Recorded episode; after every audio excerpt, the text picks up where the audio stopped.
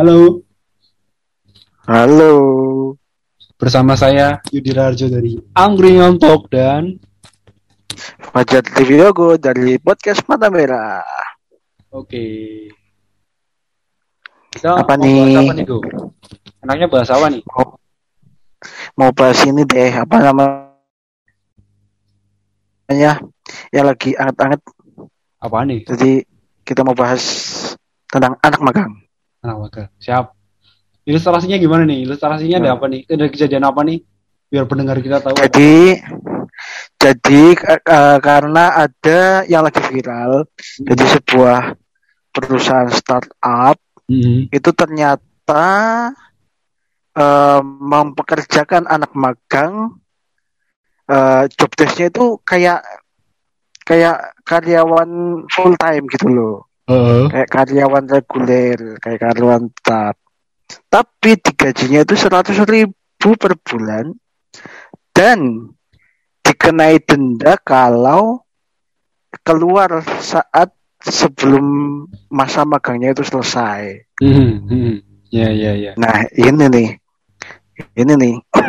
jadi yang jadi bahasan sekarang adalah eh tentang anak magang dulu deh.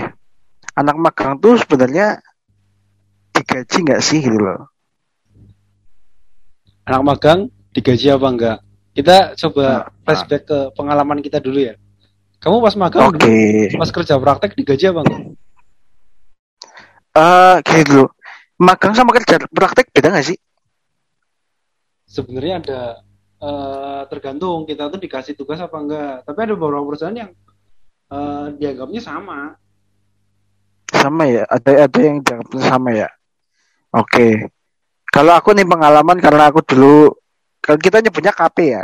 Kerja praktek. ya kerja praktek di eh, salah satu perusahaan minyak goreng di Gresik Oh iya iya. Heeh. itu selama sebulan dan ya nggak nggak dibayar memang Hmm. hmm. Gitu karena kan aku aku ngiranya ya ya karena ini tugas kampus masuk ke SKS gitu ya Hmm. jadi nggak nggak dibayar pun kalau aku nggak masalah gitu loh Iya iya. Heeh. Kalau Gitu aku, sih. kalau terus gimana? gimana nih? Kalau kamu gimana mas? Aku kan dulu kerja prakteknya di perusahaan semen di Jawa Barat ya. Karena aku orang Jawa Barat toh, karena aku masih keturunan Siliwangi kan. Keturunan Sunda Empire ya. Dibayar, dibayar. Oh dibayar. Tapi nominalnya ya nggak begitu besar hitungannya tuh eh ada 20 hari kerja, satu harinya tuh dapat sekitar eh, 20 ribuan apa ya? Total tuh aku sekitar apa sekitar 300 apa 400 itu katanya buat uang ganti makan siang. Tapi uang segitu kan udah seneng kan. Orang di situ mah di situ kan Iya, malah iya, iya. kan. Orang aku cuma malah apa? Eh di, di sana tuh nggak nggak disediain makan, makan siang ya? Enggak. Nah, makan itu Oh, kayak kalau tempatku. Oh ya. Kalau tempatku dis- disediain makan siang soalnya. Oh iya. Jadi ya kalau dipikir-pikir sama aja lah ya kan. Ah, ah, ah. Hmm. Ya segitu nah, tapi dapatnya ya sekitar 300 atau 400 300-an lah. Orang cuma 20 Iya, hari iya, kan iya. gara-gara waktu itu banyak liburnya. Gara-gara banyak libur Hmm. ya, nggak pen, nggak dapat full 20. Nggak penuh gitu ya. Oh, gara-gara banyak libur. Tapi di sana kan hitungannya kita ngerepotin kan, ngerepotin yang lagi tugas, yang ininya kan pembimbingnya di ada tugas lagi, ini kita repotin tanya-tanya, ngomong orasi Iya, iya, laporan iya. kita. Ya itu aja segitu aja udah seneng kan, udah seneng banget. Iya, memang sih memang. Eh, tapi ada beberapa ada beberapa ini tergantung perusahaan sih ya sebenarnya. Ada beberapa perusahaan yang gaji ini anak magang tapi melalui biasanya melalui ini beberapa alur rekrutmen gitu loh. Hmm. Jadi nggak kayak modelnya nggak kayak kita yang ngajuin proposal gitu aja. Hmm. Jadi ya udah kayak udah kayak ini. apa eh, lamar sebagai kerja biasa gitu. bergelut dalam dunia startup ya. ya aku masih bisa aku relate eh, dengan itu tuh ya malah biasanya tuh ya nggak dibayar kok magang mereka magang nggak dibayar tapi eh, dikasih perlu dikasih tugas yang udah kayak karyawan full time meskipun ada karyawan tetap yang backingin mereka tuh ada ada biasanya Mhm. Kalau di Iya, iya, lingkungan iya. startup tuh startupku tuh seperti itu modelnya. Tapi mungkin yang di situ yang di viral itu kayaknya mereka tuh nggak ini apa eh, karyawan tetapnya tuh langsung nyerahin tugas tugas yang sama kayak punya dia ke anak magang itu. Nah sementara karyawan full time-nya itu kan dia dapat gaji. Sementara yang Iya. magang itu kan nggak ada gajinya cuma cuma sekian itu malah kan biasanya anak magang itu nggak yang nggak dibayar. Iya, ha. Hitungannya karena perusahaan sudah memberikan ilmunya gitu ya, Hmm. jadi nggak nggak digaji pun mahasiswa nggak masalah gitu loh. Hmm. Tapi yang jadi masalah tuh ketika workloadnya itu sama kayak karyawan biasa gitu loh. Hmm. Dan kalau yang dipostingan kan adanya denda gitu loh. Itu Iya, yang bikin Hmm. ini sih apa sih? Aku tuh sampai sekarang masih apa ya masih heran tuh kok ada denda ketika orang tuh nggak ketika misal nggak masuk gitu ya Oh. atau telat kena denda gitu loh.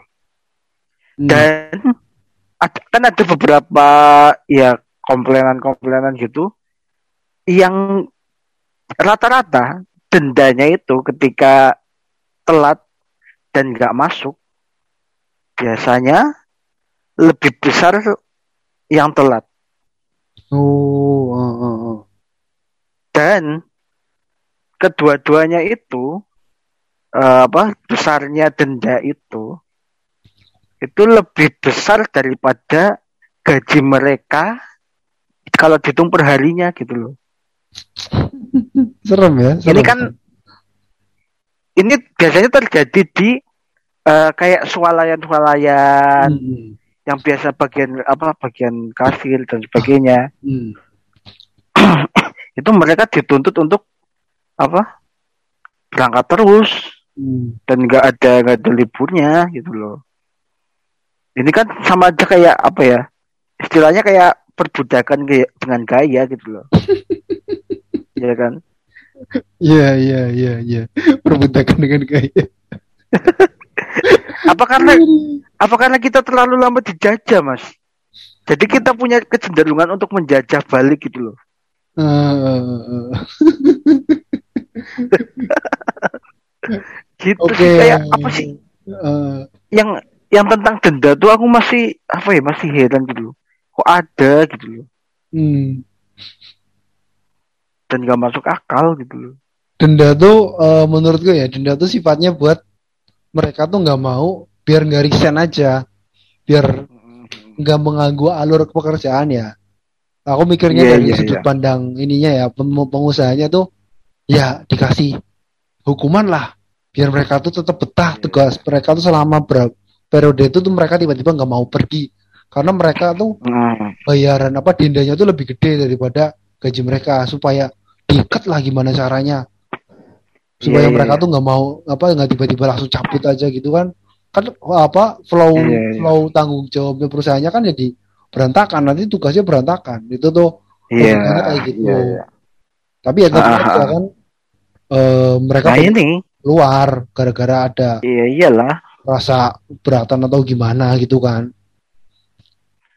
Kalau aku jadi mereka juga nggak masalah bayar denda orang yang penting kita kerja dengan apa ya dengan hati nyaman gitu kan. Eh, Nah, Nah ini aku di di training K3 ku sekarang ini diajarin bagaimana caranya eh kamu tuh mentreat karyawan tapi tidak dengan mengintimidasi gitu loh. gimana caranya Karena orang-orang yang tidak mempunyai leadership yang bagus ya cuma mengandalkan otoritas kayak denda, Hmm. hukuman itu udah istilahnya kayak ya emang slavery aja gitu. Hmm. bagian dari modern slavery itu. Nah, Hmm. kalau di tempatku sekarang ini yang jadi training K3, fokusnya itu bagaimana membangun kenyamanan dengan karyawan gitu loh. Bagaimana membangun apa uh, kepercayaan gitu. Jadi nggak yang mendikte banget gitu loh. Hmm. Pemilihan kata-katanya pun harus dipilih gitu loh. Hmm. Nggak yang oh kamu jelek gitu. keluar sana gitu. nggak yang kayak gitu enggak gitu loh. Uh, contohnya gimana? Nah, misal ya, misal uh, aku karyawan terus kamu jadi atasanku terus uh, gimana kok? Misal aku berbuat salah, aku aku uh, kelihatan kelihatan mau resign gitu, terus kamu atasan lo, mau kamu bakal ngomong apa ke aku? Misal apa yang kamu misal, lakukan deh, apa yang kamu lakukan dulu pertama? Misal kalau ada, misal uh, pekerjaannya salah gitu ya. Hmm. Uh, nah ini aku masih masih perlu banyak belajar sebenarnya. Intinya ya ditanya misal uh, misal gini deh nggak perform bagus gitu loh ya hmm. kerjanya nggak nggak nggak sampai target gitu loh ya hmm. ditanyain dulu kenapa hmm. uh, apa ada masalah apa gitu loh di, misal di keluarga di mana. Nah kalau bisa kalau misal ada masalah nih apa yang perlu saya bantu gitu loh. Lebih ke situ. Jadi bagaimana caranya? Uh, si karyawan ini uh, terbebas dari masalah yang ada di luar dulu hmm. sebelum dia fokus ke pekerjaan gitu loh. Jadi untuk uh, pendekatannya itu untuk meningkatkan produktivitasnya itu dengan uh, pendekatan semacam itu gitu loh. Enggak yang kan rata-rata nih uh, bos tuh nggak mau tahu mereka ada masalah apa di luar yang penting hmm. di dalam mereka perform gitu kan Hmm. Kita pendekatannya ada masalah apa di luar, apa yang bisa perlu dibantu gitu. Jadi menawarkan bantuan dulu gitu loh. Uh, kalau misalnya gini, masalahku tuh aku pengen nikah. Nah, aku bisa bantu. Tapi nggak ada jodohnya itu. ya maksudnya katanya bisa nawarin bantuan. Kamu pengen nikah nih gimana caranya nih bos?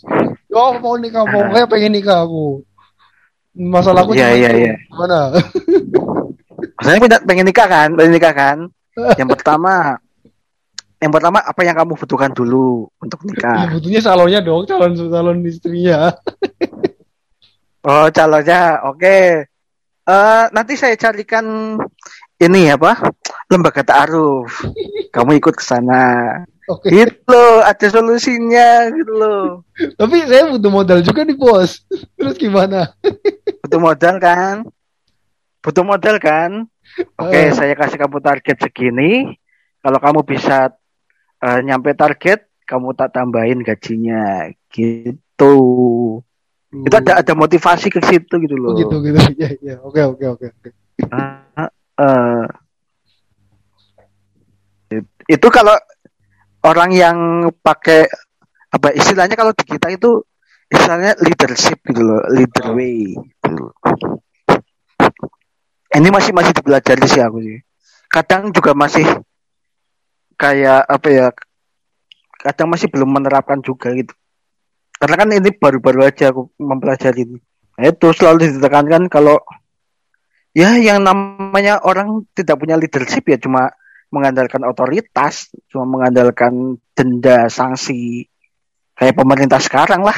Wah iya, iya berat banget langsung berat banget ih. tukang bakso nih ada tukang bakso nih bahaya nih. Tukang bakso bahaya nih. Oke oke kita kita kita kembali ke tadi anak magang gitu ya. Uh, jadi memang ada beberapa perusahaan yang uh, menggaji anak magang, namun enggak apa ya ya sewajarnya gitu di bawah UMR sih tapi ya. termasuknya gede sih ada ada salah satu perusahaan di Gresik mm -hmm. berapa ya kalau nggak salah tiga setengah juta deh mas, mas. UM UMR-nya sana tuh 4,2 kalau salah. Itu perusahaan yang perform yang apa perusahaan dibilang gede banget sih.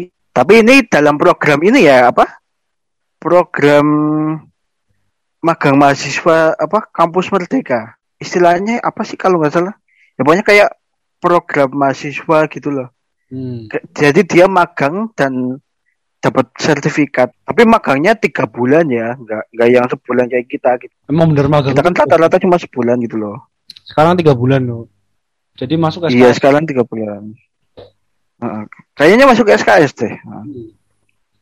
Nggak tahu sih mungkin ad- ada sih apa namanya yang program eh, magang bersertifikat itu nggak cuma buat mahasiswa aja sih sama yang fresh graduate juga bisa.